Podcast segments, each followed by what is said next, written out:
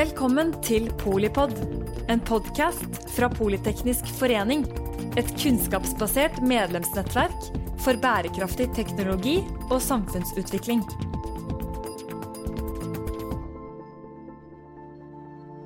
Vi skal prøve å dra dere igjennom eh, hovedtemaene for eh, denne boken. Og hva man kan forvente å, å finne eh, i den. Da. Så vi har eh, en del tema. Eh, nemlig eh, vi stiller spørsmål om hva vi mener med teknisk gjeld. Jeg ante ingenting om det før Tarjei kom og sa at det finnes også noe som heter innovasjonsgjeld. Jeg skal prøve å vise hva det er. Det er noe som vi kaller for Gutenberg-øyeblikk. Vi skal bare liste det opp. Vi skal snakke litt om skyer og datasjøer og såkalte digitale tvillinger. Jeg skal si litt om å stille disse spørsmålene. Hva styret vet om hvor godt virksomhetens data er beskyttet, eh, enn si eh, benyttet. Det er altså denne balansegangen mellom å ta vare på de dataene vi har, og sikre de, og samtidig kunne utnytte de for forretningsmessige eh, formål. Så skal vi gå litt inn på det som vi kaller for digitale moteløver og digitale mestere det ligger på en måte i begrepene her at det er veldig stor forskjell på det å hive seg på trender og bølger i forhold til det å mestre et veldig komplekst eh, felt. Vi skal komme bare så vidt innom Amaras lov og teknologiske døgnfluer, litt lettvekt og tungvekts-IT. Og så skal vi snakke litt om det som til daglig kalles for kunstig intelligens, som vi kaller for maskinlæring. og Nevrale nettverk. Bare peke litt på de mulighetene som ligger der. Uh, vi kommer så vidt innom Metcalfs lov og prøver å illustrere. Det er jo noen som liker å høre nye begreper, andre liker å se en figur. Så vi har litt figurer med også. Og så har vi tenkt litt på hvordan styrene møtes. Og Gjennom pandemien så har jo flertallet av styremøtene foregått på Teams eller Zoom eller andre ting. Og Det er noe vi sparer av tid og krefter på å ha det på den måten. Og så er det noe som eh, vi samtidig mister i forhold til kontakten. Og så er spørsmålet hva slags type saker er det som egner seg for å kunne behandle digitalt? Og hva er det som forutsetter at folk møtes rent fysisk og kan drøfte vanskelige ting? Um, skal nevne litt case som vi har i, i boken. Um, vi har vært innom en del bedrifter og sett på hvordan de bruker digitale løsninger på ulike måter. Um, og så skal vi takke hjelperne våre. Og så etter hvert så skal vi snakke litt om disse litt vanskelige tingene. Så da jeg, tenkte jeg at uh, dette er ditt felt. Ja, tusen ja. hjertelig takk. Og jeg må jo begynne med å takke deg tilbake igjen, Arne, for at du har lyst til å skrive denne boken med meg. Jeg synes det var Veldig spennende. Og det som, eh, det som jeg har gjort de siste 11-12 årene, da, det er å prøve å, å forklare eh, mange ulike teknologiske begrep og det som vi nå kaller for digitale teknologier, på en, på en, måte som setter det inn i en verdiskapningskontekst. Det er egentlig det som er utgangspunktet mitt som, eh, som fagperson. Og nå har jeg fått eh, nå har jeg fått uh, letta litt på sløret til denne styreverdenen, som jeg syns er, er, kjempeinteressant. Så ser jeg at uh, hoved, sånn Hovedtemaet i, i, i, boken det er jo at uh, det er jo kanskje litt sånn an, endring av ansvar og kompetansebehov i styret som har på en måte gått litt igjen. Og akkurat som, som vi i, i, daglig, i den daglige forretningsdriften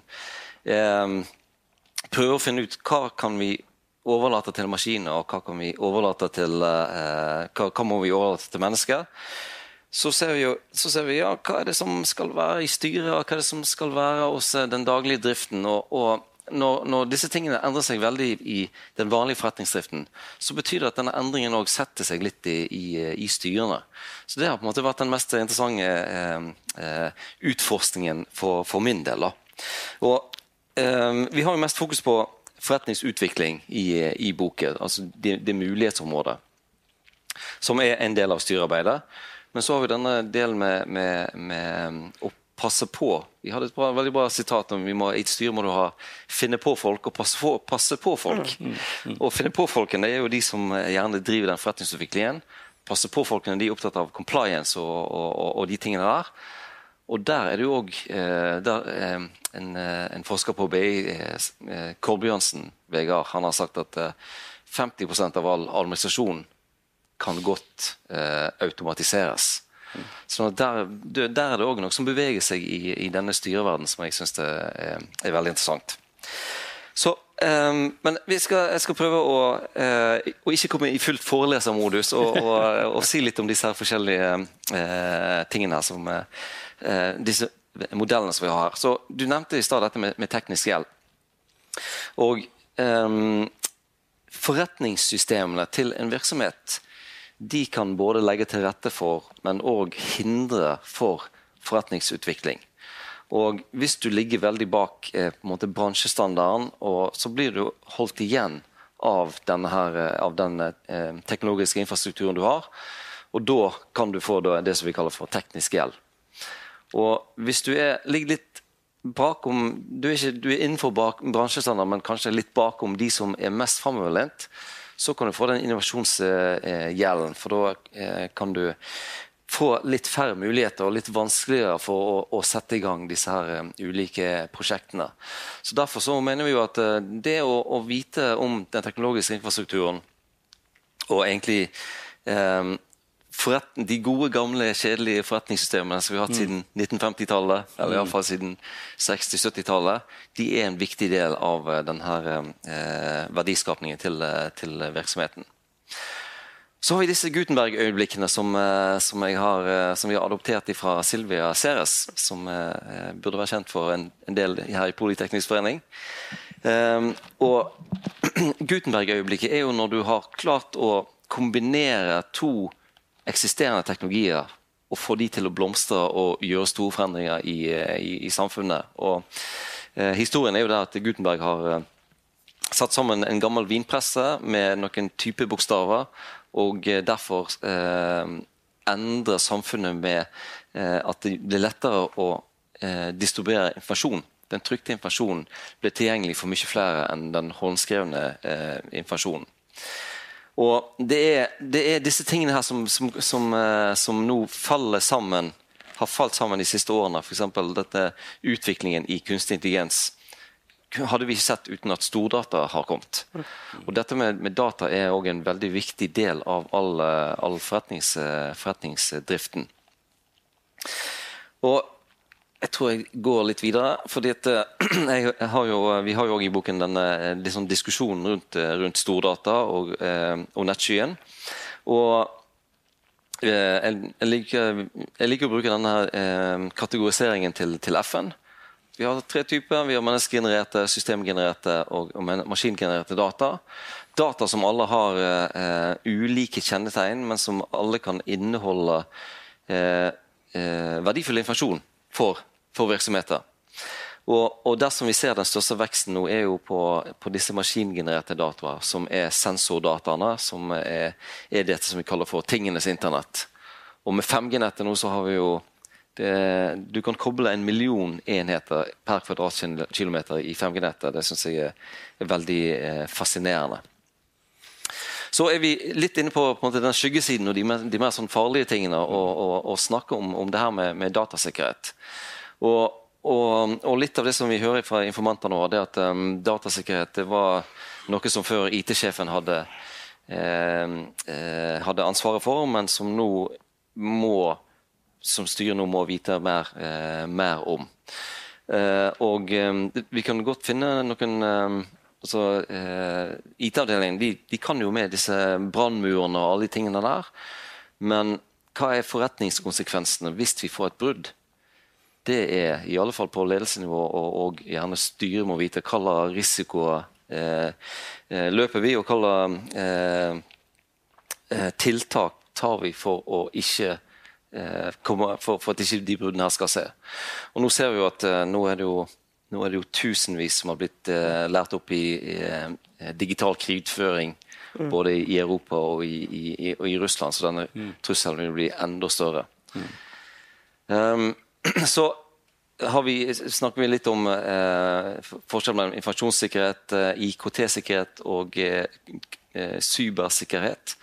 Så eh, cybersikkerhet er jo hendelser som kan skje i den virkelige verden ved bruk av, av IKT.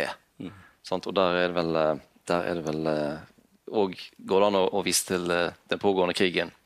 Mm. For å vise at dette er jo faktisk ting som, som der det går utover eh, menneskeliv. Jeg tror vi hopper over den her med, med, med botnettet, men eh, det er òg en, en, en, av de, de store truslene.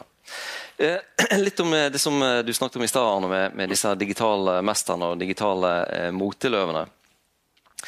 Så en digital mester eh, er, jo, er, jo som, er jo de som klarer seg best digitalt, og som på en måte har fått til denne digitale transformasjonen. Det som har fått kjennetegna de, det er jo at de Eh, de gjør endringer i forretningsmodeller. altså De bruker de digitale eh, teknologiene til å gjøre endringer i forretningsmodeller. Og Dette er det mange av våre informanter som har vært veldig opptatt av at vi må se på forretningsmodellene og vi se hva hvilke konsekvenser har disse teknologiene for eh, forretningsmodellene. De digitale moteløvene derimot er de som hopper på ny teknologi og implementerer det raskt, og, og raskt inn, inn i virksomheten. Og Det høres ut som det er en slags uh, en ulempe i det. Det kan være en ulempe og det kan være en fordel. Og Det, det, det er noe med læringseffekten med å kaste seg over nye teknologier som, uh, som, som kan være positivt. Uh, og som viser litt om utforsknings- og innovasjonskapasiteten til, til, til, virksomheten. Så i denne Amaras lov som vi òg er inne på, det er at på kort sikt så overvurderer vi ofte teknologien sin, tilvirkning, men på lang sikt så undervurderer vi han. Og nå er det litt sånn når, når, jeg, når jeg sitter og nerder meg, så hører jeg mye snakk om eh, Web 3.0. Mm. Som er veldig basert på blokkjede. Det er snakk om tokens og det er snakk om eh, digitale lommebøker. Eh, og, og de, denne blokkjeden har jo fått mye, fått mye pes i, i, det siste, og kanskje spesielt fra, fra økonomer og sånne ting. Men den er på en måte selve grunnlaget i, i, i Web 3. Sant? Og nå er jo blokkjedeteknologien tolv år gammel, sånn at det kan skje noe eh, der òg. Tarjei ja. begynte å fortelle meg om, eh, om hvordan man kunne følge T eh, ved hjelp av blokkjeder for å dokumentere hvor denne mest dyre T-en eh, kommer ifra, og hvor den sendes osv., så, videre, så ble jeg sånn passelig interessert, for han er sånn T-nerd. Men han begynte å snakke om at dette kan også gjøres for vin. Da ble jeg veldig interessert. Så det er en del sånn gøye ting. Dette, det å skrive bok er jo et slit. Så av og til så må vi se på the bright side. Eh, ikke sant? Og når vi da kan finne ut at det er såpass mye, og spesielt i, i land som vi helst ikke vil sammenligne oss med, så er det mye forfalskninger av vin. Både hvordan det er laget, og hvor det er laget, og hva slags jordsmonn og druer og alt det der. Så her, her, er mye gøy også for folk som ja, har andre interesser. Ja, det, det er sånn for, for, meg så var te en god innfallsvinkel, og for ja. deg var vin en god ja. innfallsvinkel. Ja. på det. ble det noen avsnitt om det òg. Ja. ja visst. um, så er det dette begrepet som jeg syns er interessant om uh, lettvekts-IT og tungvekts-IT. Så vi som er voksne nå, vi har jo på en måte vokst opp i en tungvekts-IT-verden. Der du har på en måte uh, måtte hatt uh, fem år på, på, NTNU før du kan på en måte gjøre noe som helst endring i disse eh, IT-systemene. Men det som har kommet de siste årene, det er det som vi kaller for lettvekst-IT, som er mye nærmere forretningen. Eh, eh brukergrensesnittet er mye lettere å forholde seg til for, eh, for fagbrukere innenfor alle slags mulige eh, bransjer. Og som, som, gjør at vi kan, vi kan eh, teste ut, prøve ut nye, nesten ferdig, ferdigbygde løsninger i, på ganske kort sikt. Og det er, sånn er nesten, det, er nesten sånn at eh, AI begynner å nærme seg sånne plug og play-løsninger som det er lettere å eh, Eller iallfall deler av AI. da, Det nærmer seg med den type eh, der, der forretningen kan i større grad delta i utviklingen av løsninger. Vi, vi, prøver å sette sånn, eh, en definisjon på digitalisering som, eh, som eh, det har vært snakket om en, en stund allerede. og, og vi, er vel, vi er vel, etter hvert kommet til en slags konsensus om, at, konsensus om at dette er noe som hjelper oss å forbedre prosesser og gjør at vi kan eh, utnytte ressurser i verdiskapningen mer effektivt ved å tilføre digitale teknologier. Og så har vi det begrepet digitisering, som er det egentlige digitaliseringsbegrepet, som handler om å gjøre ting eh, som er analogt, om til noe som er digitalt. Og det er da eh, den eh, forutsetningen for at vi driver med digitalisering. Selvangivelsen har vi jo med som et klassisk eksempel. her. Det er et klassisk eksempel. Ja. Mm. Fra papir til digitalisering til selvbetjening. Ja, Ja. Så, Stort sprang. Ja, det er stort sprang. og uh, hvis vi ser på hva som har skjedd med parkering i de siste årene, sant, så, så har det på en måte den samme veien som det har gått. Og det som har skjedd med både skatteetaten og med, med parkeringsselskapene, det er at de har gått igjennom det som vi kaller for en digital transformasjon. Og det er at ting blir gjort på en vesentlig forskjellig måte enn tidligere pga. digitale teknologier. Så jeg syns- av og til det er litt rart å snakke om at ja, nå skal vi, nå skal vi digitalt transformere firmaet. For det, er sånn, det er steg du går igjennom for å komme til den transformasjonen, eh, egentlig. Men eh, det kan være et godt eh, mål, da, iallfall. Eh, og så jeg, jeg liker også å, å, å, å si litt om hva er et informasjonssystem. Fordi at selv om vi snakker om en blokkjede, eller om vi snakker om kunstig intelligens, eller om vi snakker om AR og VR og alt, så er det det ligger et informasjonssystem, et eh, IT-støtta informasjonssystem i, i bunnen. Og der er det data som kommer inn, det blir produsert, og så kommer det informasjonsproduktet ut. Så, um, uh, og vi pleier å si dette med, med shit in og shit out. Så hvis, det, hvis du ikke har kontroll på det som kommer inn i de systemene, så vil det, vil det ikke være godt av det som kommer ut heller. Og, og starter f.eks. Med, med maskinlæring uten at du har gode data til å lære programmene med, det fører ikke til gode resultat, selv om du kan skryte av at du har starta med AI. Og nå er det jo sånn at uh, med 15 000 sensorer i kloakken i Bergen, så er det sånn shit ut og shit inn. Men vi får data av det også, ikke sant, med disse sensorene. Ja, Mye overvåking der. Vi får gode data, gode data om, eh, om det som er i avløpsrørene. Det er helt sant. Og, um, så eh, Dette med, med plattformer er òg eh, en ting som gjerne bør diskuteres på, på, på styrenivå.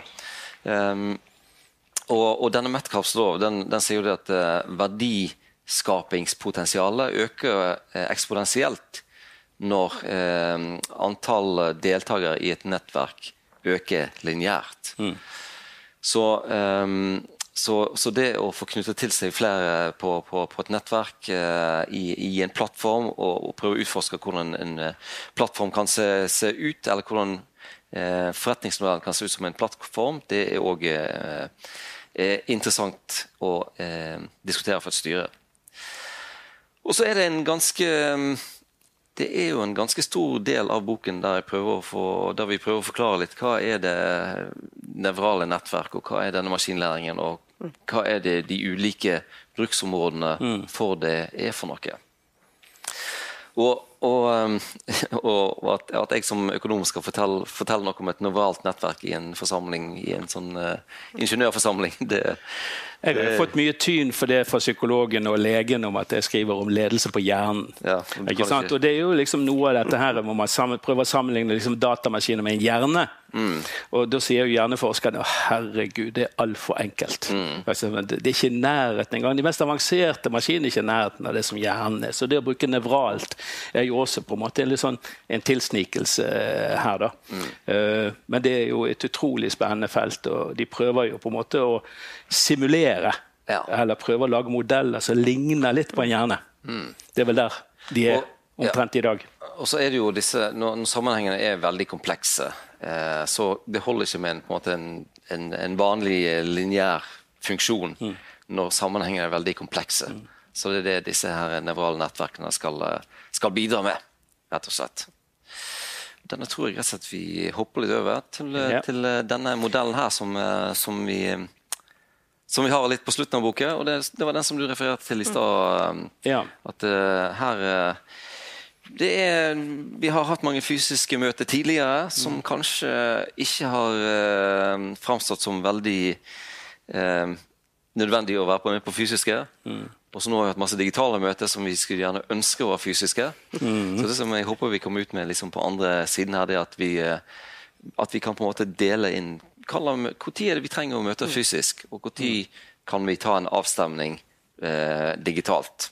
Og I styrene er det jo sånn eh, at eh, du sitter og følger med kroppsspråket til folk. ikke sant? Og Folk kikker bort på styrelederen og kikker bort på de som de pleier å alliere seg med osv. Det, det er mye data der òg. Det, det, er mye innhold som har betydning for hva slags konklusjoner man kommer frem til, hva slags vedtak som fattes i et styre. Og da er Det slik at eh, det som er vår anbefaling, det er at hvis det er høy grad av usikkerhet, eller perspektivene for de sakene vi har, er, er relativt lange, så bør man møte fysisk. Mens hvis det er liksom det å gå gjennom uh, forrige måneds uh, regnskap, eller å sjekke ut uh, direktørens ramme foran lønnsoppgjøret, eller noe sånt, så kan det godt tenkes at det kan gjøres digitalt. Da, si, da er det bedre jo mindre kroppsspråk det er. det er så det er på en måte en, en enkel veiledning. Ja. Og, jeg, og jeg leste akkurat i dag en, en sak der noen hadde brukt VR til, til styremøte. Mm. Eh, og da, De følte at da, du fikk mer informasjon av disse avatarene i VR mm. enn du fikk av det lille vinduet som du hadde på, på, på Zoom. Ja, så for Da kunne du se at okay, den personen han sitter og ser bort på den andre personen, og den andre ser på notatene sine. Ja. Og, da er du i rommet. Ja, du er i rommet. Altså, du får, selv om det er på en måte en, en, en, en dataanimert figur. Og med VR så, så, mener du virtual reality. Virtual vi, har ikke, reality. vi, har ikke, fått noe godt norsk uh, begrep på det, men det er jo virtuell, virtuell virkelighet. Virtuell virkelighet. Ja. Så da satt folk med, med disse maskene på og, og, og var virtuelt i samme, mm. i samme rommet. Så vi beveger oss videre her. Så um, vil, du, vil, du, si litt om disse casene veldig raskt? Ja, for vi tenkte at, de, ja, eh, fordi at eh, når vi skriver si, lærebøker, som du har jo skrevet mest av, eh, og så skriver bøker mot det vi kaller for profesjonsmarkedet, så er vi veldig opptatt av at dette må ha på en måte en forankring og en tilknytning til virkeligheten. Og Da er det liksom å ha noen eh, gode eksempler uh, fra virkelighetens verden. Og Da har vi det som vi kaller for additiv tilvirkning i Equinor, som betyr at du altså lager eh, modeller i 3D, og du kan printe ut reservedeler istedenfor å ha et svært lager på land. Mm. Så kan du gjøre dette på et sted, og så kan du eh, sende det nesten med brevdue ut på plattformene. De, de printer i titan, faktisk. Ja, i titan. Mm. Ikke sant?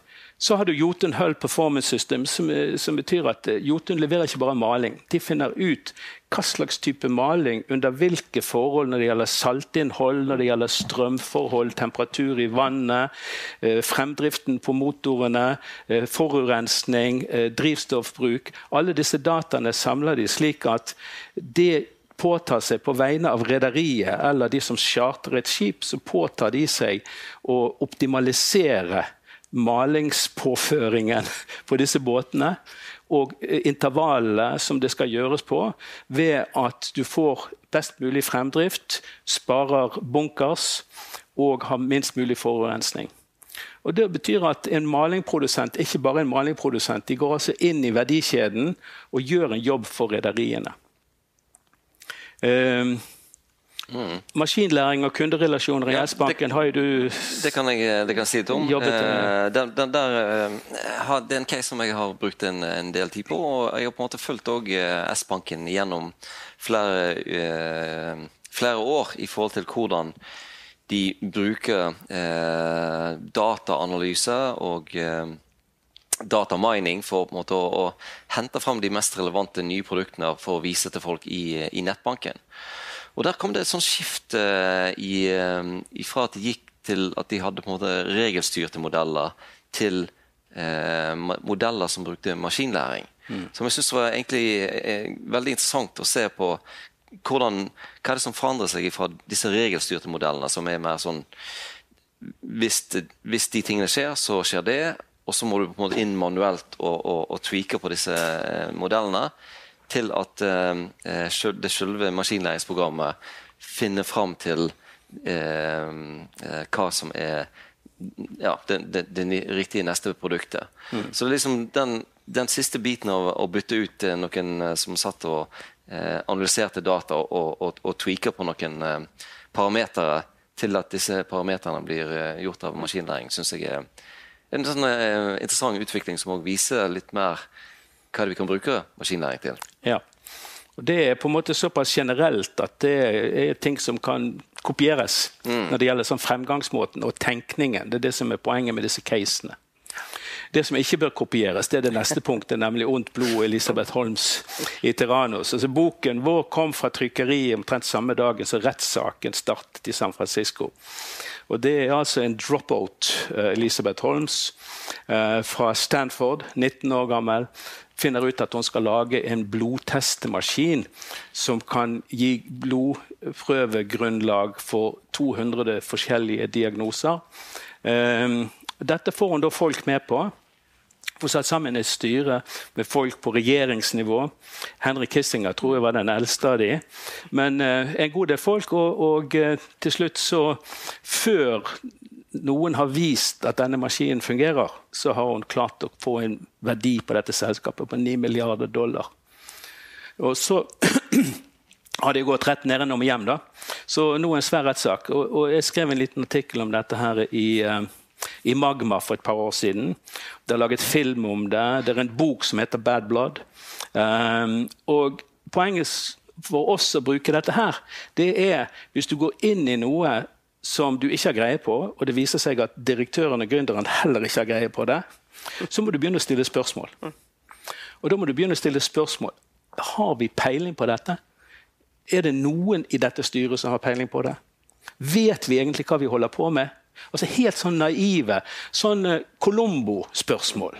Colombo i denne serien sant? han stiller de spørsmålet ja, men du har vel lagt merke til, sier han til politiinspektøren, at de skoene ble knyttet på liket etter mannen var død. Ikke sant? På en vennlig måte. Og så tar han opp termosflasken. og så, ja, det er ikke noe sånn, eh, Politisjefen blir ikke noe sånn uh, forvirret av det. Men de, disse naive, gode spørsmålene Eh, de må stilles. Og, mm. og, da har vi brukt ondt blod som et case på det. da. Ja. Ja. Og, og, det kan vi jo alle, eh, det kan vi si allerede nå at eh, boken vår er gjennomsyra av disse spørsmålene. Ja. ja. Over 100 det fant vi ut. Var det 121? Jeg husker ikke. Jeg ja, telte, det er ganske mange gode spørsmål. Ja, jeg tror gode spørsmål, ja.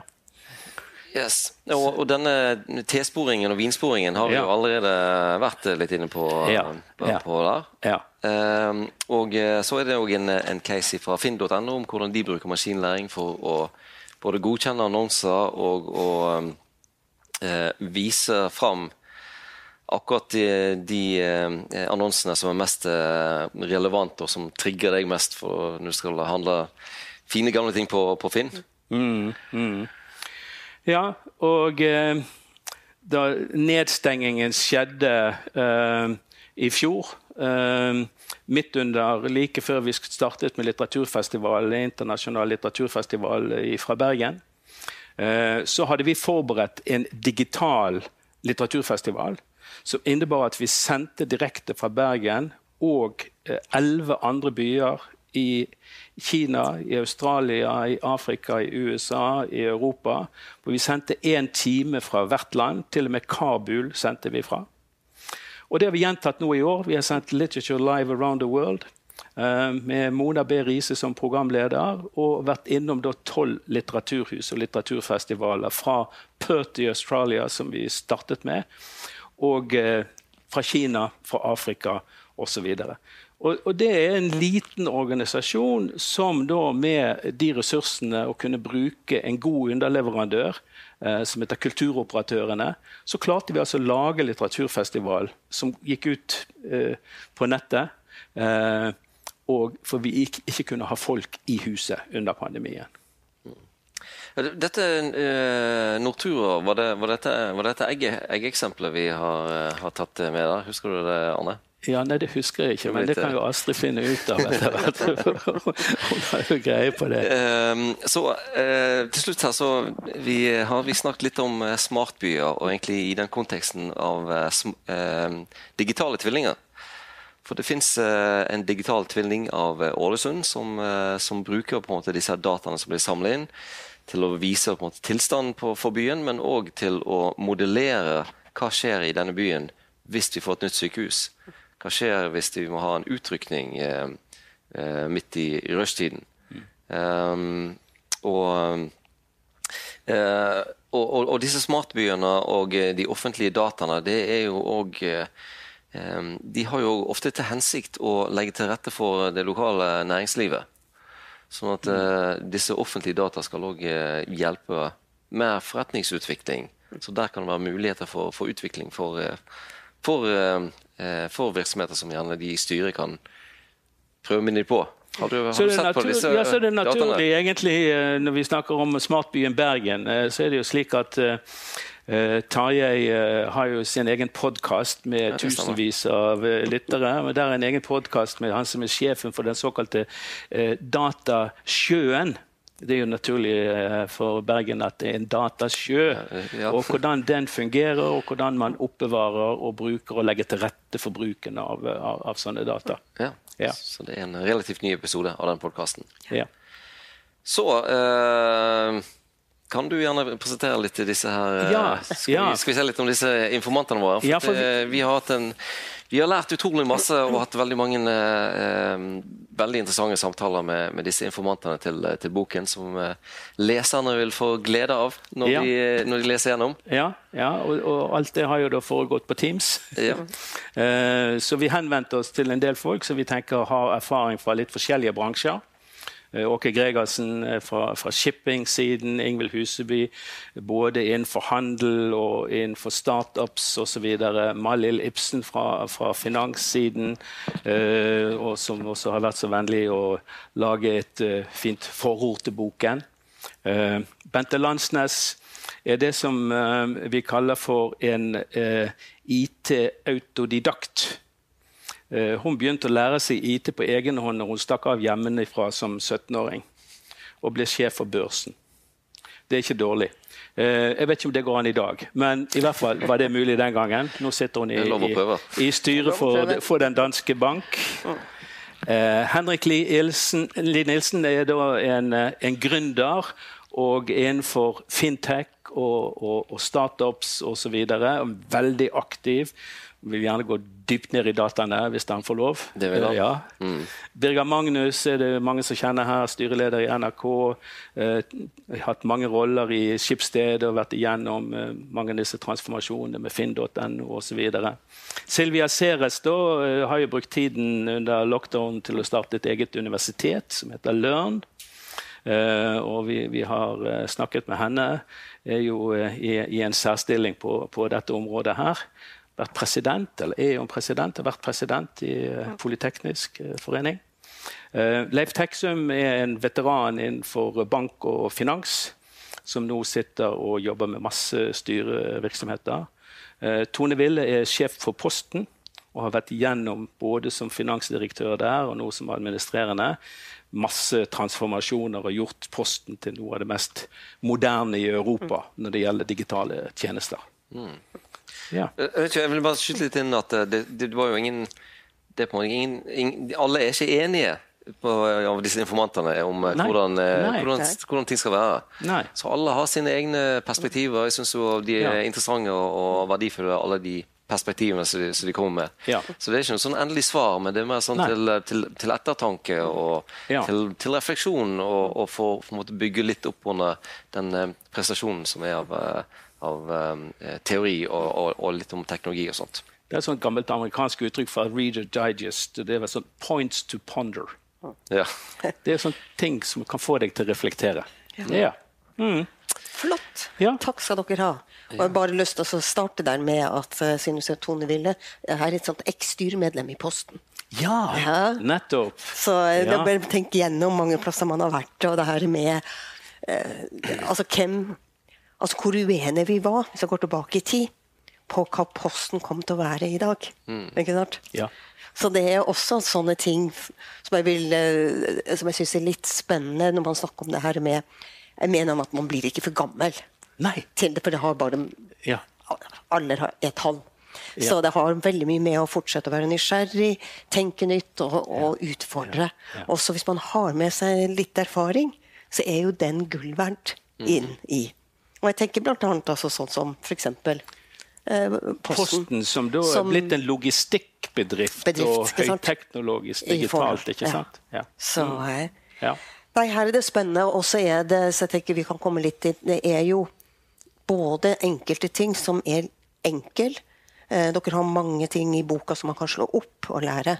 Men så har du også kompleksiteten, så jeg hadde lyst til å utfordre litt på. For at det jeg har også erfart med å være litt optimistisk innenfor bruk av teknologi enkelte ganger. Helt konkret kan jeg ta litt um, helse og omsorg. Altså det er så opplagt at man der, på en sånn sektor eh, kan øke livskvalitet, kutte kostnader, gjøre ting. Men hvor er de som skal kjøpe det og bruke det? Ja. Sånn at det er noe med den Ikke blir for overivrig i bruken av det. Det opplagte er jo det du nevner med de tingene som internt øker produktiviteten, effektiviteten og bedre. Men det er noe med kundedimensjonen Ja. som jeg tenker, når man har snakka med mange folk her og dere har reflektert Mm, mm. Er det noe her man som styre også kan hjelpe til? Med å forstå markedet, kunde, lovverk, all, mange Ja. av de her dimensjonene som er så viktige i den digitale. Jeg kan ta et eksempel. Mm. Uh, i, eh, i Kringkastingsstyret eh, på slutten av 80-tallet så kom Einar Førde med Telenor på slep og foreslo at vi skulle innføre DAB-radio i Norge. Og vi i styret sperret jo opp øynene, og, begynte, og, og så satt vi oss i denne spørremodus. Mm. Eh, helt sånn automatisk så begynte vi å spørre hva betyr DAB? Mm. Digital Audio Broadcasting. Ikke sant? 1988. 88-89. Så hvordan høres det ut? Jo, så innredet de en buss, så kjører vi oppover Nydalen. Og så hører vi fantastisk lyd, og så sier Einar Førde og langs i fjordene så kommer dette til å være helt fantastisk. Jeg har jo tenkt i ettertid, det var sikkert FM. Eh, tilbake på styrerommet. Hva gjør BBC på dette området? Hva gjør Sveriges Radio? Um, de hadde noen pilotprosjekter. Ja, men hva med Sony og Philips og Grundig og de andre? Der fantes jo to versjoner av sånne videobånd. Fins det nå flere versjoner av DAB-teknologi? Mm, de kunne ikke svare helt på det. Trodde ikke at det var noe samarbeid der. Um, det skulle koste en milliard. Og så slapp vi opp for spørsmål. Og så var det en som kom, Jeg husker ikke hvem det var nå, men det var en som sa da ikke det sånn at vi skal ha OL på Lillehammer om noen år? Jo. Denne milliarden vi tenker, Hadde det vært lurt å investere i litt nytt utstyr, og sånt, sånn at vi kan få liksom god kvalitet på det der fantastiske idrettsfesten som skal være på Lillehammer? Eh, Jo, sa Einar Førde. Han var veldig interessert, var veldig interessert i sport. Um, og da sa styret da tror jeg vi venter. Og så ventet NRK i 25 år. Og det er ikke noe suksess ennå, da, vil jeg si. Jeg har 27 tunneler på vei til hytten. Og jeg må si det at jeg må jo da høre nyhetene på mobilen når jeg kommer frem. Eh, For du går glipp av mye der. Men det er et sånt eksempel hvor man også blir litt sånn moteløve. Tidlig ute, svære investeringer. Det andre eksempelet er jo E-helsedirektoratet. Er det noen som har hørt om det? Ja. 20 milliarder kroner pluss, pluss. 300 mennesker, 28 direktører. De skal være ferdig med å digitalisere mine helsedata i ca. 2030. Og Hvis jeg da kommer på akutten på Haukeland, og de begynner å lete frem data og har funnet ut at jeg brakk foten i militæret i 1968 hva til hjelp er det i forhold til at jeg har en fersk doktor som er nettopp utdannet, og som kan alt det nye om medisin? Jeg vil ikke ha det. Men det er også sånn gigantomani på at jo, dette må vi ha, sånn at distriktslegen på en snå skal kunne kommunisere eh, så å si eh, knirkefritt med Rikshospitalet. Nei, jeg vet ikke om det er verdt 20 milliarder. Men det er sånn, det er noen eksempler der som, som vi har. Ikke sant? Det er Og det, det, er, et styrenivå, tenker jeg. Det er på styrenivå. Det er både styrenivå, men nå kjenner jeg jo litt den sektoren. Og, og, Direktorat. og det er klart at det, det styrenivået har et ansvar. Ja. Og jeg tenker at styret har kanskje et større ansvar enn man ofte har tatt Ja. i det rommet, til å også spille det videre opp. Nettopp. Både ned mot det kompetente, både ledelse og organisasjon, for å få de gode Mm. spørsmålene opp, men også spille det litt opp i forhold til de som ja, altså rett og slett også myndighet og lovverk og en del av det vi eh, også setter her. Og det berører jo også litt av den verden som kommer inn veldig stort i den sektoren, men også andre. Og det er jo person Altså at det er så mye data tilgjengelig. Ja, Om det er som person, sensordata, alt. Altså hvem på en måte skal ta ansvaret for at vi da bruker den på en god måte. Og jeg har bare et bitte lite eksempel tilbake litt i tid. En eh, mor til en veldig god venninne av meg tilbake til Narvik. Som eh, da ble veldig tidlig dement, men var veldig sprek. Og hun ville, for hun var fortsatt sånn at hun kunne svare i gode øyeblikk. Legen ville, dattera ville, at hun kunne bli utstyrt på en sånn som kunne spore henne når hun gikk seg bort. Ja. Nei, det kunne vi ikke tillate. Så det gjorde at hun ble sperra inne. Ja, nettopp. Ja. Det er bare sånt, Og det kryr jo av sånne eksempler. det gjør det. Eh, så har vi mange gode eksempler også. Men eh, det er liksom å lære litt av eh, både de gode og de dårlige, og dere hadde jo mange her. Ja. Men jeg har lyst til også, når dere har liksom jobba mye med det her og snakka med mange Generelt sett så sier vi at norske styrer er ganske gode. Hvis du sammenligner sånn Det vet jeg Ja. du, har vært, du har vært og sagt. Ja, ja da. Ja. Hvis vi tar denne dimensjonen inn, Mm. eh, hvordan kommer vi, vil du tro at vi kommer ut der? Og er det noe vi kan lære av? er også Mm. det jeg sitter og tenker. Altså, Norge eh, er jo generelt sett langt fremme når det gjelder digitalisering. Vi, var, vi var veldig tidlig ute når det gjaldt mobiltelefoni f.eks. Uh, og på Handelshøyskolen så lærte vi faktisk Fortran-programmering på slutten av 60-tallet.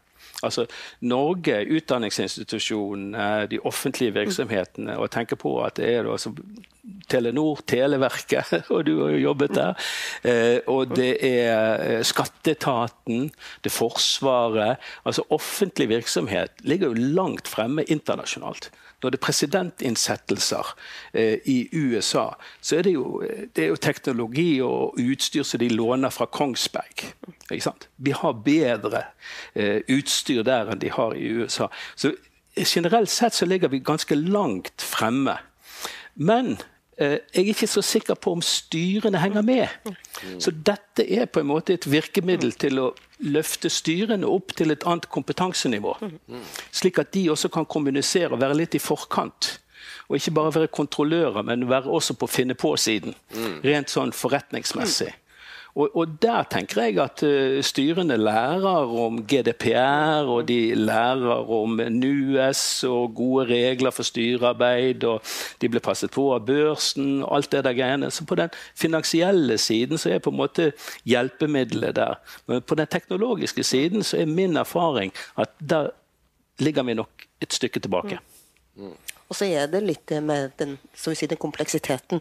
Ja. For i mitt hode så hjelper det ikke å hente hettegenseren som jeg bruker å si, inn i styrerommet. Nei. For du må forstå. Og da har du også, som dere sikkert har reflektert over, altså styret møtes fire til ti ganger i året. Ja. Uh, nå har vi jo i tillegg vært digital i uh, et par år. Så det med å få et styrekollegie, altså få det her til å spille godt sammen, og utfordre hverandre på de her viktige områdene, forstå hverandre, lytte, når man i motsetning til en ledergruppe som møtes kanskje en gang i uka. Ja, ja. Så her er det jo også krevende. Og hva er gode råd til uh, Ja. Ja. Altså, vi, vi har jo en informant som sa det så, såpass sterkt at eh, Nei, unge folk de har ingenting i det styret å gjøre. Mm, jeg leste det. Det skal, eh, der skal det være erfarne folk, og, Ja. og, og veldig mange sier at det, det er folk som har vært med på, på en måte, eh, endringer tidligere. Altså vært med Kanskje på en endringsprosesser. bransje, eller En, en bransje som har vært litt, eh, litt tidlig oppe. Ja. Og så eh, er det en, det er en eh, det var, det var et uttrykk som kom fram i, i disse eh, samtalene hvem er de nye heltene? Mm. Så hvem er det som nå har på en måte fingeren på, på, på pulsen og, og, og, og, vet hva som skjer? Mm. Og I forhold til det som du snakket om med, med kompleksiteten og, hvordan dette er hos, hos kundene, så, sånn, ja, da da, da, må styret vite hvem er de, de nye heltene. Hvem, og, og, og, blir de godt nok utnytta Eh, eller blir de godt nok brukt da, mm. ja. av, av, av, av, ledelsen i, i, i, selskapet. Ja. Og da er det kanskje, Hvis vi tenker på de store virksomhetene, på si, børsnoterte selskaper og større selskaper, så, så, er ikke det IT-sjefen du skal inn på styremøte. Mm. Men du skal gjerne ha en av de der heltene på bakrommet mm. som, som, nettopp har vært på MIT og mm. som har tatt sin doktorgrad på maskinlæring eller et mm. eller annet sånt. Det er de folkene også du må kunne lære av. For de har jo da et praktisk grep og fingeren nede i puddingen og uh, vil kunne gjøre noe. Og, og, da må styret også lære sammen. Ja. Det nytter ikke å få inn en ungdom, det nytter heller ikke å sende én eller to på et kurs. Uh, og Det betyr at styret må ha en sånn felles læringsopplevelse. Mm. Og Det var helt avgjørende i dette DAB-radiotilfellet, mm. hvor hele styret var på tur og hørte på denne musikken. Og, og, og, vi var helt sånn felles om Vi var ikke forberedt, så vi var helt felles om å stille spørsmål. Mm. Så vi trigget hverandre. Vi var like uvitende alle sammen. Det, det hjalp veldig. Mm. Ja. Nei, men du, jeg, jeg har jo tilbake til eh, som du sier, Jeg var jo innom Telenor. Og eh, vi hadde da i Telenor Mobil, i stedet for å hente inn eh, spøken og gang litt mer dyre konsulenter, mm. så valgte vi ut fem-seks av de unge ja. og de heltene. Mm. Ja. Ja. Som jobba sammen med oss som ledelse og styre i forhold til strategi. Mm. Og det er det beste strategidokumentet som jeg har vært eh, borti. Ja. Og jeg hadde det fremme her for ikke så lenge siden, og de har slått mye til. Ja, nettopp. Men det er den lærearenaen som vi er litt inne på. Ja. Hvordan få det til. Og da litt ekstra krevende, som sagt, med et styre som møtes såpass sjelden ja. som de gjør. Og Da må de også rydde vekk. og da er tilbake ja. til den andre mekanismen, nemlig at uh, hvis vi kan bruke da, uh, maskinlæring og vi kan bruke uh, andre teknikker for å automatisere en del av compliance- eller kontrolloppgavene, så vil styret kunne åpne opp og få mer tid mm. til de mer strategiske og langsiktige sakene, også innenfor det digitale området. Mm. Det, det, som mange, mange har sett på, det er at nå har vi en generasjon med nyansatte som har vokst opp med gaming. Mm. Ja. Og, for, og, har på en måte en helt unik eh, forståelse av, eh, av teknologi og mm. på en måte sam, samspill ved hjelp av teknologi som eh, de som eldre ikke har. Ja. Så, så, så, det er for det som kom fram til at hvis du finner en som har en, en vanlig jobb og har vært gamer masse, mm. så er det på en måte òg en, en, en, god plass å, å utvikle mm. ny digital kompetanse. Mm. Men så er det litt den hva jeg sitter styremessig inn i forbindelse med universitetene på fakultet. Og da hadde man litt sånn kartlegging at en del av de som satt på gamingrommet sitt, mm. som ble sendt på den universitetsutdannelsen på mm. IKT-området, det digitale, de gjorde det ikke så bra, en del av de. Noen gjorde det jo knallbra. Mm. Men noen av dem gjorde jo ikke det, for at de var jo ikke så gode i matematikk. Nei. Og når du kommer inn på? Sånn at ja. Det er forskjell på å ligge og spille. Mm. Men hvis du klarer å finne kombin, så er jo det en del av de utrolig gode ressursene våre. Mm. Mm. Så, men hvis du trekker litt når du sier gaming og eh, Dere har også noe om cybersikkerhet. Eh, og på en måte litt eh, der også, for styrerommet. Ja. I forhold til at vi vet jo at det foregår. Jeg sitter jo sjøl i flere styrer. Og hvor enormt mye nå som ja, blir prøvd hacka, hackes, blir, og, og, hva slags på en måte både ansvar og hvordan kan et styre også bidra på en god måte her. Og hvor setter man litt grensene? Igjen er vi litt over i det her som eh, jeg tenker på hvor det er litt rammevilkår, myndigheter, styrerommet, eiere og ledelse. Mm. Og hvordan håndtere, kan et styre håndtere det på en god måte? Ja, det er et godt spørsmål. Vi, har, ja, vi har snakket en god del om det. og Det ene er det sånn generelt liksom, beskyttelse mot hacking. Mm. Men det er også i tenkemåten. Mm. Så i, i, den forrige styreboken min så skrev jeg at uh, styremedlemmer må også kunne tenke som en kjeltring. Ja. Ikke sant? Og, og, det handler jo om å ha så å si, gode hackere og mm. teste ut systemene osv. Men uh, i, i, denne boken så har jeg vært inne på at styremedlemmer må også tenke som en etterretningsagent. Altså sånn De moderne etterretningene Vi må slutte å sende ut spioner. For å si 007 er død. du må tenke mer som en etterretningsagent. Og Det betyr at du må være ute på nettet. Liksom, vi har et eksempel fra DNB og denne Samherji-saken. Mm. Hvor DNB sier at vi er ikke lenger en bank, vi er et, vi er teknologibedrift, sa Rune Bjerke flere ganger. Og Det innebærer bl.a. at de hadde liksom 400 mennesker sittende og, og, og, og jobbe med sånn hvitvaskingsproblematikk for å unngå det. Og så ligger det altså et hav, for ikke å si fiskebåter fulle av data, på vanlig åpent internett. Om svindel og faenskap og lureri og alt mulig, som en av de største kundene deres holdt på med. Og De måtte da bli fortalt fra en amerikansk bank at disse pengene som nå går til eh, smøring og korrupsjon i Afrika osv., de må dere være snille og ikke sende videre. og Vi vil i hvert fall ikke være med på det. Og så er spørsmålet hvor var styret henne der? Hvor var disse 400 som ikke riktignok følger med på islandske nettsider og fiskeriaviser og, og, og, Al Jazeera, men de må i hvert fall kunne følge med i Dagens Næringsliv. Eh, mener, det kan ikke være sånn at du blir sittende så langt inne på bakrommet at ikke du følger med på hva som skjer der ute i verden. Nå er jeg veldig krass, og jeg vet jeg kommer til å få kjeft. Eh, men dette mener jeg er veldig alvorlig. At eh, Hvis ikke man kan bruke disse ressursene strategisk, og, og, og jeg kaller det å fiske med internett eh, Det er veldig mye du kan få i det garnet. altså eh, som du ikke trenger veldig avansert teknologi eller veldig avansert ekspertise for å finne ut av. Så styrene har et ansvar for DNB fikk jo 400 millioner i bot i, i den saken som vi skriver litt om. Eh, og det kunne vært unngått. Det kunne vært unngått å stille noen veldig enkle, naive spørsmål. Eller ta en styretur til Fiskeridirektoratet. Eller gjøre noe annet. Uh, veldig enkle ting som kan gjøres. Så forbedringspotensialet er jo helt enormt. Mm. Tenker jeg. Ja. Ja. ja. og da har du jo litt som sier, parallell, men altså med den verden vi i dag står overfor, ja. med den enorme datamengden som du har mm. tilgjengelig. Og så er det jo både det hvordan kan bedriften utnytte og benytte seg av dem på en god måte. Mm.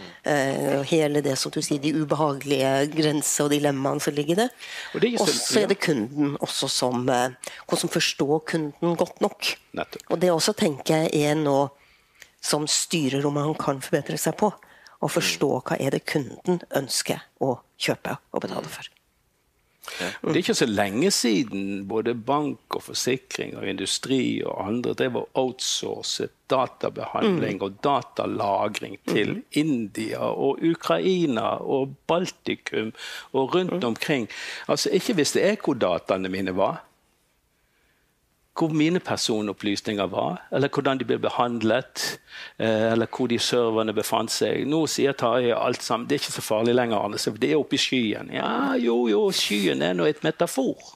Mm. Det fins jo noen servere noen steder, og noen av de befinner seg i steder som vi helst ikke vil tenke på. Mm. Men du vet jo ikke hvor det er? Nei, og, og, vi stiller jo ikke de spørsmålene ordentlig heller. ikke sant? For det er et eller annet greie som vi må ha kontroll på sjøl. Ja. Jeg, jeg, tror det er, jo, det er jo det hva, du, hva burde du ha visst som styre? For Når alt kommer til alt, så er det jo et, et ansvar på deg at dette, dette burde du visst. Hvorfor, hvorfor spurte du ikke hvor dataene var, var blitt lagra? Hvorfor ble dette outsourcet til, til India? Uh, og den som, hadde, den, som, den som hadde ansvar, uh, ikke fikk kommunisert godt med de som, som jobbet der. Nettopp. Sånn, det, det, var jo veldig mye kostnadsdreven. Mm. Ja, det var det det var. Det er mer kostnadsdrevet enn sikkerhets, Sikkerhets. sikkerhetsdrevet. Mm. Men igjen, når sammenlignet du var litt inne på som du sa med USA Samtidig så har USA Facebook, Google, Amazon. Mm. mm. Ja. Som har en posisjon innenfor det rommet vi snakker om ja. i dag, som er enorm. Mm. Ja. Surveillance capitalism er jo den store bibelen bibel på dette området. og det er helt klart at Vi er jo overvåket, mm. og vi er innkapslet. og eh, Jeg tør ikke altså, jeg mener Her må jo psykologene tre til i forhold til identitet. Hvem er jeg egentlig? Og hvor er sjelen min? Er Ikke sant? Hvor er hjernedataene, og Mm. hvor er bankkontoen, og, og hvor er alt det andre. Så man, man kan jo bli mørkredd og tenke for mye på det. Eh, men, men det er helt klart vi lever i en ekstrem farlig tid. Og det er klart at eh, på det samfunnsmessige nivået så er jo faren nå selvfølgelig at vi skal bli mer proteksjonistiske. ikke sant? At vi skal trekke oss inn. Men det går jo også over på så, hvorfor har ikke vi et kornlager? eh, ikke sant? Hvorfor har vi ikke sørget for beredskap? Nå er det tomt for jodtabletter. Ja, hallo? Sant? Der, er, der er masse greier som vi nå må passe på, som ikke var så viktig før, og som vi som et rikt land selvfølgelig kan gjøre ganske mye med hvis vi vil. Men vi må først og fremst stille de rette spørsmålene Ja. til de rette folkene. Ja. Og Det betyr vi må også ha tilgang til de folkene som er beslutningstakere på ulike nivåer. Enten det er kapitaleiere, eller det er eh, tilsynsmyndigheter, eller det er andre. Alle sammen eh, har et forbedringspotensial. og Det er vel det som er vårt håp med denne boken. Det er jo at vi skal oppmuntre til den type nysgjerrighet og aktsomhet i, i forhold til håndtering av digitale transformasjoner. Ja, Du bruker ordet nysgjerrighet og aktsomhet, som jeg syns er veldig bra. Og så er det akkurat det at ja, styret skal stille de gode spørsmålene mot ledelsen. og mm. liksom alt mot både marked og ting vi er inne på. Men burde vi ikke også være flinkere til å stille de den andre veien, som du er inne på? Ja, ja. Og hvordan får vi det bedre kanskje til enn vi gjør i dag? Ja. For å være dyktigere og klare å utvikle i dette tilfellet norske både bedrifter og virksomheter til å, ja, til å håndtere de mulighetene og truslene som er i det digitale verden. tenker jeg. Ja, ja, jeg, tenker jo det er, eh, det er jo en sånn modell som vi har med sånne cybertapspekter. Mm. Og, og, og de spørsmålene er jo hva, hva slags data vi har. Mm. eh, Hva blir konsekvensene for oss og for, for tredjeparter om det blir brudd på, på, på disse dataene? Så eh, En av de første som fikk stor bot fra GDPR, var Bergen kommune. Det var en sak der med, med en sånn eh, app som kommuniserte med, fra skolen og ut til de til foresatte. Og så var det da, viste det seg at der eh, gikk eh, Der kunne da en foresatt som ikke skulle ha eh, tilgang til informasjon om barnet sitt, kunne, få, kunne ha fått tilgang. Fikk ikke, men kunne ha fått eh, tilgang til, eh, til informasjon om barn, om, om adresser og sånn, som, som skulle være skjult. Eh, og, sånt, og, det, og det er sånne ting som det, det er på en måte konsekvensene som er, som er viktig. Sånn, hva, hva, hva, skjer, hva kan skje med disse personopplysningene? Hva kan skje med disse driftsopplysningene fra, fra Nordsjøen, f.eks.? Hva, hva, hva kan disse eh, dataene fra disse skipene brukes til hvis de faller i feil hender? Ja. Sånn, det, det er utgangspunktet. Og hva gjør vi? Hva blir konsekvensen av det, og hva gjør vi for å hindre at eh, det, det skjer? Mm. da, og da sånn som jeg, eh, som jeg tenker da, at dette må noen kunne forklare til styret, sånn at styret kan sove godt om, godt om natten. Ja. Og så må vi satse på at de unge hadde en diskusjon med det eldste barnebarnet mitt om uh, han skulle på sesjon, og så skulle han velge da hvilken våpengren han skulle på. Så sier jeg ja, men da, Theodor, du har tre valg. Det er liksom luft, sjø, eller så er det hæren. Nei, bestefar, sa han. Det er fire. Det er cyberforsvaret. Jeg kan altså, På sesjon så kan du krysse av og si 'jeg vil i cyberforsvaret'. Så tenkte jeg yes, her er håp. Her er det håp. Ja. Ja. Flott. Jeg ser på klokka her. Vi må vel begynne å avrunde. Jeg ser på sjefen. vi du. Vi avrunder vel i to minutter til. Er det nå dere på slutten har lyst til å Det som, er det som er enkelt å si, det er jo til de som sitter hjemme, Mm. det er jo for det første at Nordlys bokhandel i Universitetsgata er jo da det, det, det nærmeste man kommer. Men det er også slik at uh, fagbokforlaget og ikke minst Haugen Bok, uh, spesielt disse nettbokhandlene, leverer jo nå mye raskere enn de gjorde før. Til og med Amazon leverer jo nå på en brøkdel av tiden i forhold til det som var før pandemien. Så uh, løp og kjøp. Les. Og send gjerne noen kommentarer eller spørsmål til, eh, til oss forfattere. Fordi at uh, vi er jo levende opptatt av dette og vil gjerne ha nye case. Og vil gjerne også bli irettesatt hvis det er ting som vi har skrevet feil eller ikke forklart godt nok. eller sånt noe. Så, så snakker vi om det. Og, og er du heldig, så blir du invitert til å være med på en podkast med Tarjei, og det er veldig gøy. Ja, og, og, jeg tenker at eh, Hvis vi kan få så masse eh, eksempler på, på, folk som har brukt disse spørsmålene i boken, mm. og hva de har ført til, ja. så kan det bli en oppfølgerbok. Da kan det bli en oppfølger. Jeg tenkte, også, jeg tenkte også det at dere har jo over 100 spørsmål. Så det å oppfordre litt til å se erfaring med bruken av det. Ja. For er det noe jeg tror vi sikkert deler alle vi i rommet her, så er det jo at det er et veldig viktig og spennende tema. Mm. Og styrerommene har mulighet til å løfte seg. Ja. Mm. Og gjøre forbedringer. Ja. Det har vi alle. Så eh, flott. Skal vi avrunde der og si ja. tusen takk? Tusen takk til deg. Takk for at du ble invitert her. Det var, det var kjekt. Takk for at du lyttet til Polipod fra Politeknisk forening. Få med deg flere episoder, eller bli med på nettverksmøtene som du finner på at polyteknisk.